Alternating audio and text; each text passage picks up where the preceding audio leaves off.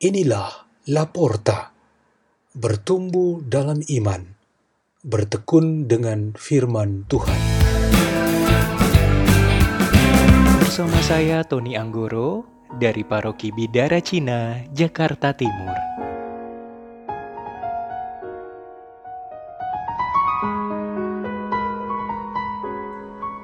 Bacaan dan Renungan Sabda Tuhan Hari Sabtu Pekan Biasa ke-25 26 September 2020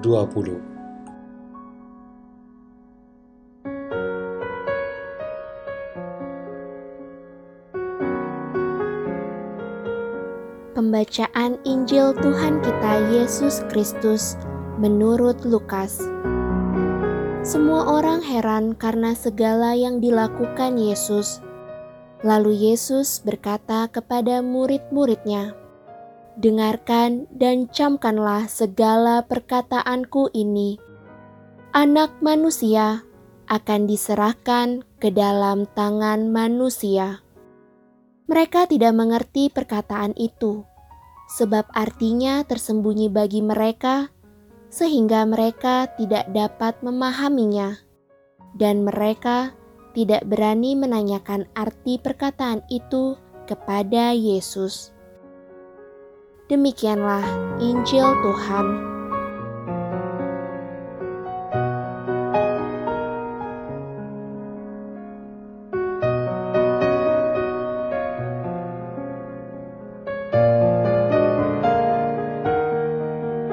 Renungan kita pada hari ini bertema Target untuk Kemenangan. Seorang remaja dari desa baru saja selesai semester pertama kuliahnya di kota. Baginya, hasil studi itu agak mengkhawatirkan. Ada beberapa nilainya kurang memuaskan karena ia harus melakukan remedial atau ujian ulang. Ada sebagian teman dan tetangganya menganggap bahwa ia masih menyesuaikan diri. Dan anggapan itu cukup membesarkan hatinya. Ia termotivasi untuk cepat keluar dari tekanan itu.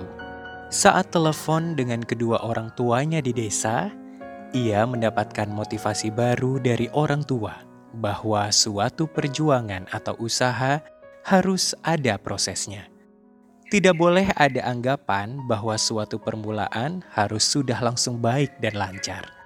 Yang penting, sedari awal usaha, orang harus menargetkan kemenangan. Itu adalah motivasi yang sangat penting. Orang harus mulai dengan target kemenangan di dalam pikiran, permulaan usaha, dan rencananya. Ziarah iman di dunia itu bagai sebuah perjuangan untuk sampai pada tujuannya, yaitu kesempurnaan di dalam Tuhan. Kita masing-masing diberikan target ini sejak saat pembaptisan, dan semua janji baptis itu sebagai instrumen yang membantu kita mencapainya. Ketika kita mencapai itu nanti, hasilnya ialah sebuah kemenangan dan kemuliaan. Meskipun kita pengkhotbah secara lugas menggambarkan bahwa kehidupan yang nyata adalah hanya kesia-siaan, namun ia sangat menegaskan bahwa di akhir sebuah perjalanan hidup ada pengadilan Tuhan yang menentukan seseorang itu sebagai pemenang atau sebaliknya kalah. Tuhan Yesus Kristus memandang ke Yerusalem tentang target yang sudah ditetapkan baginya. Yesus menyampaikan kepada para rasulnya bahwa nanti di Yerusalem dirinya akan diserahkan kepada pembesar Yahudi untuk dihukum mati. Kematiannya itu merupakan yang sangat keji, yaitu dengan disalibkan. Kematian disalib adalah sebuah kemenangan. Begitu ajaran yang ada di dalam iman kita. Target kemenangan melalui salib ini juga merupakan rahmat bagi kita. Namun, seperti para rasul, banyak dari kita belum atau tidak mampu mengerti sepenuhnya. Bagi yang mengerti, mereka memang mengalami dan menghayati di dalam hidup hariannya, yaitu berpartisipasi dan berbagi dalam kemuliaan dan kemenangan Kristus dengan salib. Mereka tentu menerima kesulitan dan penderitaan atas dirinya dalam kerelaan dan sukacita. Pilihan hidupnya ialah mati raga. Bagi mereka yang belum mengerti, tetap ada kesempatan terbuka untuk menghayati spiritualitas salib. Sedangkan mereka yang tidak mau mengerti, salib itu adalah suatu kebodohan dan cara yang memalukan. Marilah kita berdoa. Dalam nama Bapa, Putra, dan Roh Kudus. Amin. Ya Yesus Kristus, Engkau menyatakan secara terbuka kemenanganmu melalui salib, supaya menjadi santapan sabda dan perjanjian bagi kami.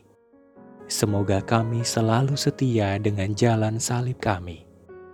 Bapa kami yang ada di surga, dimuliakanlah namamu, datanglah kerajaanmu, jadilah kehendakmu di atas bumi seperti di dalam surga. Berilah kami rejeki pada hari ini, dan ampunilah kesalahan kami, seperti kami pun mengampuni yang bersalah kepada kami. Dan janganlah masukkan kami ke dalam pencobaan, tetapi bebaskanlah kami dari yang jahat. Amin. Dalam nama Bapa, Putra, dan Roh Kudus. Amin. La porta, la porta.